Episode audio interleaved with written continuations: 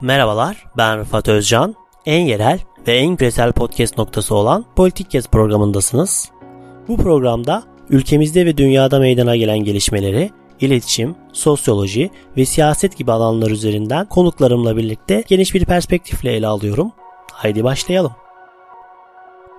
Merhabalar, ben Rıfat Özcan. Politik Kes Podcast programına hoş geldiniz. Bugünkü konuğum TRT Word'de çalışan Ufuk Necat Taşçı. Ee, kendisi Libya özelinde e, çalışmalarını sürdürüyor. Son olarak da Libya'da barış sürecini bekleyen tehlikeler adı altında Anadolu Ajansı'nda bir yazısı yayınlandı. Biz de bu çerçevede kendisiyle konuşacağız. Ufuk abi programa hoş geldin. Merhabalar abi, hoş bulduk. Çok teşekkür ederim. Rica ederim. İlk olarak da tabii yazı yazıldığında daha e, konsey e, belirlenmemişti. Şu an konsey de belli. Bu yürüt yürütme organında seçilen isimleri nasıl değerlendiriyorsunuz taraflar açısından abi? Evet şimdi aslında benim yazımı bazı konuştuğum hocalarım da genel çevremdeki insanlar da zamanlama açısından biraz riskli mi diyorlardı. Çünkü Libya'da mantıklı, rasyonel zeminde tahminler yapabileceğiniz bir ortam söz konusu değil. Fakat burada benim yazıda odaklandığım nokta şuydu. Siz de biliyorsunuz. Yani Agila Salih gibi Hafter'i bugüne kadar bütün savaşlarında desteklemiş. Benim onunla ilişkim bütün resmi e, ilişkilerin üzerindedir tadında açıklamalar yapmış bir figürün bir şekilde Birleşmiş Milletler tarafından adaylığının Libya'da onaylanmasıydı. E, bu çok ciddi bir problemdi. Ben birazcık bunun üzerinden ve burada yabancı ülkeler bugüne kadar ne yaptılar ve şu anda ne yapmaya çalışıyorlar üzerinden ele aldım. Dolayısıyla direkt listeye yönelik bir tahminim yoktu ama şunu itiraf edeyim. Ben Agila Salih'in seçilme ihtimalini yüksek görüyordum.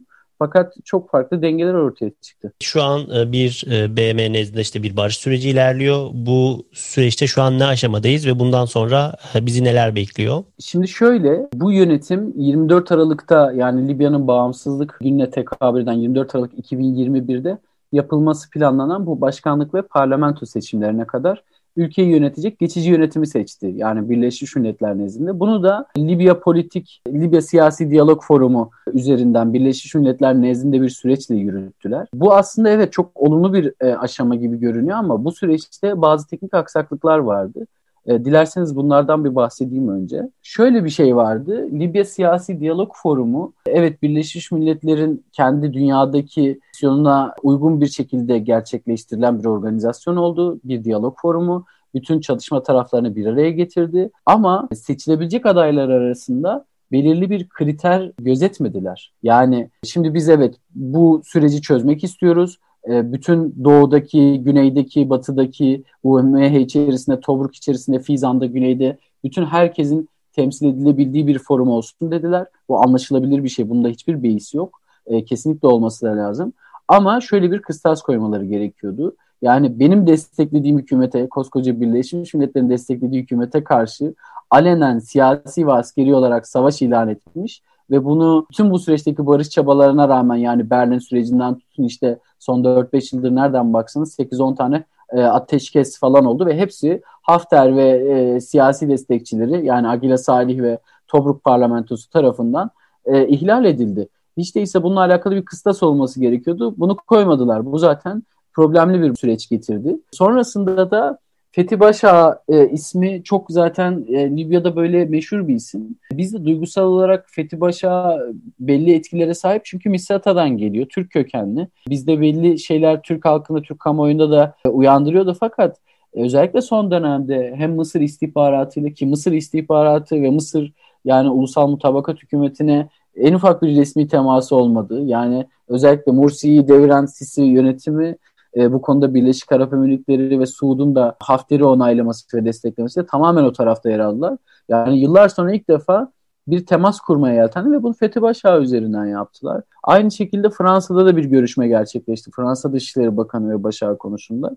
Yani Fethi Başağı'nın bu son dönemdeki görüşmeleri birazcık akıllarda soru işareti bıraktı. E, Agila Salih zaten dediğimiz gibi karmaşık bir figür aynı listede yer aldılar, anlaştılar ve bu iki güçlü ismin e, bir şekilde bu seçimlerde baskın geleceği düşünülüyordu. Ama anladığımız kadarıyla en belirgin senaryo bu. Ulusal mutabakat hükümeti içerisindeki önemli figürler Agila Salih'in bir şekilde geçici hükümette dahi yer almasından çok rahatsız olmuş olacaklar ki tercihlerini Muhammed El Menfi'nin başkanlık konseyi başkanı olduğu ve Abdülhamit Dibeybe'nin başbakan olduğu listeden yana kullandılar. Yerel aktörler işte Hafter ve Ulusal Mutabakat Hükümeti var. Bunların ikisinin bu barış sürecine dahili ve yaklaşımları ne genel olarak bu süreçte? Nasıl tavırlar takındılar? Şöyle, Ulusal Mutabakat Hükümeti cephesinde ve destekçilerinde özellikle Trablus üzerinde şöyle sahnelere şahit olduk. Özellikle sosyal medya üzerinden. İnsanlar kutlama yaptılar. Bunu çok ciddi kutladılar ki bu aynı insanlar zamanında Fethi Başağ'ın UMH içerisindeki yaşadığı problemlerde Sarayca tepki gösteren istifa mevzuları olduğunda çok ciddi reaksiyon gösteren kişiler de vardı işlerinde. Bunlar galibiyet olarak kutladılar bunu ve hainlerle barışa hayır diye bir slogan atarak yapıldı bu gösteriler, bu kutlamalar. Bu aslında bize bazı şeyler söylüyor. Bütün ülkeler ilginç şekilde Mısır ve Birleşik Arap Emirlikleri de bu sürece destek olacaklarını söylediler ve tebrik ettiler. E, zaten Stephanie Williams, e, Birleşmiş Milletler'in Libya e, temsilcisi şöyle bir şey dedi. Şu anda bu seçilen Libya Siyasi Diyalog Forumu'nda onaylanan bu liste haricindeki her yapı paraleldir dedi. Ve iki gün önceydi sanırım yani hemen seçimlerin ertesi gün olması lazım. Kendisinin Hafter'le görüştüğünü ve Hafter'in seçilen listeye destek olacağını taahhüt ettiğini söyledi. Nitekim son dönemde şu anda Hafter cephesi de bu sürece saygı duyduklarını belirttiler. Fakat yani işin içinde Hafter saygı ve bir rasyonelite aradığınız zaman çok bir yere varamadığımızı süreç bize zaten gösterdi. E, kısaca isimlere e, gelecek olursak seçilenler kimler peki? E, Muhammed El Menfi seçildi. Muhammed El Menfi'nin şöyle bir mevzusu var. Kendisi Tobruk'tan. E, özellikle bu Agila Salih ve işte Hafter'in etkili olduğu Doğu bölgesinden gelen birisi. Kendisi zamanında Türkiye'nin ulusal mutabakat hükümetiyle Libya ile yaptığı bu deniz sınırlarını belirleme anlaşması işte kıta sahanlığı belirleme anlaşması sonrasında Yunanistan tarafından deport edildi ülkeden. Yani ve şu anda ülkenin başkanlık konseyinin başkanlığı seçilmiş durumda. O yüzden bu açıdan o, o duruşu e, Agile Salih'e göre e, bizim için ciddi bir kazanım gibi duruyor. Musa El Koni diyecek olursak e, başkanlık konseyinin üyesi olarak seçildi Güney'den.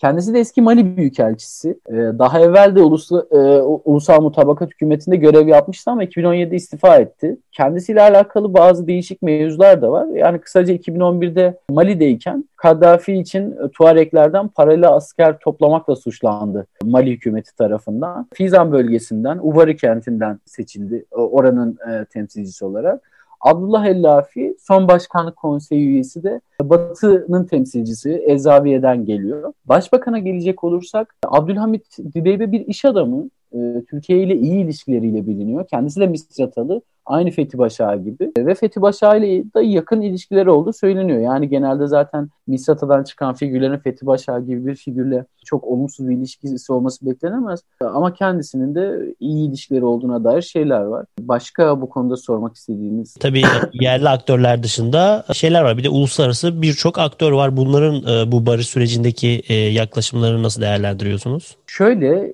Şimdi bunu kısım kısım ele alalım. Ee, öncelikle son gelişmeden başlayayım. Şimdi zihinlerde netleşmesi için söylüyorum. Bu geçici hükümet, hükümetin başbakanı 12 gün içerisinde yeni kabineyi ve programını parlamentoya sunacak. Yani to- zaten e, seçimlerin olduğundan beri yaklaşık bir 10 güne yakın bir süresi var. E, belki o kadar biliyor. Ve 12 gün içerisinde güven oyu alamazsa işine Libya Siyasi Diyalog Forumu'nda çözülecek. Buraya kalacak. Şimdi e, böyle bir sürecin içerisinde uluslararası aktörler e, tabii ki Birleşmiş Milletler nezdinde yürütülen bir süreç olduğu için gerek ulusal mutabakat hükümetinin en haşin muarızları gerek ulusal mutabakat hükümeti herkes zaten bu sürece dair e, kabul ettiğini ve bu sürece saygı duyacağını söylemiş durumda. Birleşik Arap Emirlikleri, e, Mısır, Suud, bu Arap devletlerini, Körfez ülkelerini dikkate alacak olursak e, bunlar da destek açıkladılar. Hafter de destek açıkladı. E, fakat Libya'da biz şunu gördük. Bu destek açıklamaları siyasi olarak e, bir manevra anlamı da taşıyor olabiliyor. Yani evet siyaseten destek açıklıyorlar ama el altından biz şunu biliyoruz. Birleşik Arap Emirlikleri desteklemeye de destekleyeceğini söyledi, saygı duyduğunu söyledi belki ama yani halen Suriye rejimi üzerinden Rusya Benina Havalimanı'na Şam'da bir özel havayolu firması bilmiyorum ismini vermem sizi zora sokar mı ama yok, yok. E, bu zaten medyada da konuşuldu. Chumwings e, Airlines diye bir e, firma e, üzerinden rejim askerleri hatta ve hatta içerisinde eski DAEŞ mensubu olan paralı askerlerin de bulunduğu askeri sevkiyatlarına devam ediyorlar. Yani bu iş e, durmuş değil ve Birleşik Arap Emirlikleri bunun fonlamasında aktif olarak yer alıyor. Yani ben geçtiğimiz günlerde Gumail Gamati ile de görüştüğümde kendisi de bunu bana tasdik etti, onaylamıştı. E, bu bilinen bir gerçek. Şimdi Birleşik Arap Emirlikleri destek açıklıyor. Mısır aynı şekilde destek açıklıyor. Bugüne kadar Birleşmiş Milletler'in desteklediği hükümete karşı durmuş herkes destek açıklıyor. Ama sahada bir gerçeklik var. Şu an Sirte'de 70 kilometre uzunluğunda askeri siperler kazıldığına yönelik raporlar var. Bu bir gerçek ve buraya hala Hafter'e hava savunma sistemleri, pantsirler, tabi zamanında Fransa tarafından verilen antitank füzeleri yani Hafter tahkim edilmeye de devam ediyor. Böyle de bir gerçek var ne kadar destek açıklasalar da. Aslında şey bir sorum daha vardı ama önce Türkiye'yi sorup sonra onu sorayım. Yani sonuçta buradaki uluslararası aktörlerden biri de Türkiye. Evet. Türkiye perspektifinden bütün bu yaşananları nasıl değerlendirilebilir? Şimdi şöyle bu hakikaten bizim adımıza olumlu bir izlenim ve güzel bir duruş. Yani özellikle Libya sürecinde biz bütün uluslararası aktörler, ülkeler, Birleşmiş Milletler'in gelgitli tavırları, böyle gereksiz yere uyguladıkları temayüzler, Hafter'in ve Tarhuna'daki toplu mezarlara bütün her şey karşı sessizlikleri yani özellikle Birleşmiş Milletler'in kendi desteklediği hükümete karşı bu suçları işleyen kişilere ve kurumlara bir şekilde bir yaptırım konusunda ne kadar eksik kaldığı bir süreçte Türkiye e, diplomatik olarak resmi yollardan her şeyi aleni bir şekilde, şeffaf bir şekilde yürüttü e, çok güzel bir tavır olduğunu düşünüyorum. Çok da verimli bir tavır olduğunu düşünüyorum. E, bizim zaten Libya ile ilişkilerimiz çok eski. Yani Libya'nın ilk başbakanının bir Türk olduğunu, Kral İdris döneminde de görev yaptığını düşünecek olursak Bizim zaten böyle eski bir diyalogumuz var Libya ile. Zaten tabii ki yani Osmanlı döneminden de kendi ilişkilerimiz var ama güncel olarak yani Kaddafi tarafından devrilerine kadar zaten Kral İdris Türkiye ile yakın bir diyalog içerisindeydi. Yani Türk bürokratları bir şekilde Libya'nın kurumsal sistemini kurmuşlardı. Bu o günden bugüne çeşitli vesilelerle devam etti. Her ne kadar ben bu benim şahsi fikrim belki katılmayanlar da çıkabilecektir ama ben Kaddafi'ye ön yargılı oluşumun ana sebeplerinden birisi Kral İdris'e karşı yaptığı darbedir. Yani Kral İdris'i özel bir yerde görürüm bu bağlamda. Nitekim Libya'da yani 65'lerde işte petrolün keşfedilmesi, o kurumsal yapıya tam kavuşacak böyle Libya'nın atılım yapacağı Türkiye'nin aktif rol oynadığı bir süreçte Kaddafi zaten darbeli indirmişti Kral İdris'i. E, günümüzde Libya halkının e, demokratik taleplerine aykırı hiçbir şey yapmadığı düşünülebilecek tek ülke de Türkiye. Nitekim şu an geçiş hükümetine seçilen e, Dibebe ve Menfi'de bildiğim kadarıyla ilk olarak zaten Türkiye ile görüştüler. E, Cumhurbaşkanımız Tayyip Erdoğan tebrik için kendileriyle konuştu. E, ilk diyaloglarını da Türkiye ile yapmaları zaten belirli mesajlar veriyor diye düşünüyorum. Son olarak da şunu sormak istiyorum. Bu bir barış süreci üret, üret, yürütülüyor BM nezdinde. Bu süreç e, nasıl yani bu süreci olumlu bir çıktı olarak bir şey karşımıza çıkarmayan BM nezdinde bir barış mümkün mü buradan? Nasıl görüyorsunuz siz sahayı ve alanı bilen biri olarak? Şimdi, şimdi şöyle söyleyeyim. Dediğim gibi bir defa Birleşmiş Milletler yani Süheyrat Anlaşması'ndan beri 2015'ten e, beri kendi desteklediği, tanıdığı, kendisinin oluşumunda bir fiil rol aldığı bir hükümete karşı insanlık suçları işlendi, siviller katledildi. Bunu işleyen, yapan ülkeler, kişilerle alakalı e, hiçbir ciddi yaptırımı olamadığını düşünüyorum. Yani bu açıkçası Libya vakasında daha önce Bosna'da ve farklı ülkelerde de e, şahit olduğumuz süreçler oldu. E, Libya meselesinde de bence Birleşmiş Milletler'in CV'sine bir eksi olarak yazılacak bir süreç. Güncel olana gelirsek, şimdi Hafter dediğimiz adam daha yeni Amerika Tarhuna'daki Kaniye aşiretini, Kaniye ailesini kara listesine aldı. E, toplu mezarlardan dolayı, sorumlu oldukları toplu katliamlardan dolayı. E, bu adamlar Hafter'e bağlı olarak çalıştılar ve bu tarz bir sürü şey sayabiliriz. Sivil katliamları, işte bu Harp Akademisi'nde Trablus'ta gerçekleşen drone saldırısında silahsız 50 çocuğun üzerine bomba atıldı ve 25-26 tane gencecik daha silahsız 15-16 yaşında lise çağında çocuk öldürüldü. E şimdi raporlar çıktı ortaya. BBC'nin kendi yaptığı detaylı analiz işte belgesel de bunu ortaya çıkardı. Resmi olarak bunu Birleşik Arap Emirlikleri'nin Hafter'e temin ettiği dronlarla yapıldığını, Winglood dronlarıyla yapıldığı ispatlandı. Fakat buna rağmen biz hiçbir şey gördük mü Birleşik Arap Emirlikleri'ne karşı, Hafter'e karşı? Yok. Hafter'e karşı Amerika'da hem Amerikan vatandaşı da e, olmasına istinaden devam eden şeyler var. Uluslararası Adalet Divanı'nda kendiyle beraber e, ordusunda halen aktif olarak e, görev yapan savaş suçlularıyla alakalı süreçler yürüyor ama böyle somut hiçbir şeye dönüşmedi bir yaptırıma. Bu insanlarda zaten bir soru işareti. E şimdi son süreçte bu tarz figürlere bir filtre uygulamadı Birleşmiş Milletler. Yani tamam bütün herkes temsil edilsin. Libya zaten sosyolojik olarak ayrı bir vakadır. Yani yüzün üzerinde aşiretten bahsediyoruz. Bunların 20-25 tanesi çok aktif. Evet Agila Salih de güçlü bir aşiretten geliyor. Tobruk da güçlü bir popülasyona hitap ediyor. Nüfuz alanı geniş. Ama yani bilfil bu suçlu, suçların içerisinde bir şekilde olmuş, yer almış, payı olmuş hiç kimsenin bu sürece dahil edilmemesi gerekiyordu bence. Tabii ki Tobruk parlamentosundan da birileri olabilirdi. Ama bu kadar ekstrem figürler bu savaş suçlarına, bu savaş suçlusuna açıkça aleni bir şekilde desteği ilan etmiş. Bence herkesten arındırılması gereken bir süreçti.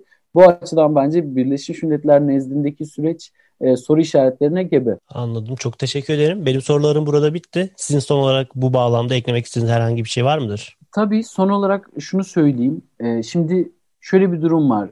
Evet bu bir galibiyet olarak kutlanıyor. Özellikle son e, liste yani Dibeybe'nin, Menfi'nin seçildiği liste özellikle Trablus'ta işte gerçekten demokrasi ve barış talebi olan e, Libya halkı nezdinde bir umut umuda sebep oldu. Fakat şu gerçeği unutmamamız lazım. Bu adaylar şu an seçilmiş olan başkanlık konseyine ve başbakanlık pozisyona seçilmiş olan kişiler e, sadece ülkeyi seçime götürecekler. Kritik kurumlardaki işte sıkıntıları giderecekler e, ortak bir zeminde seçime kadar kurumsal bir e, yapılandırma ve düzenleme yapmaya çalışacaklar. Fakat bunlar bir dahaki seçimlerde kesinlikle siyasi arenada olmayacaklar. Bu zaten en başında ilan edilmiş bir şeydi.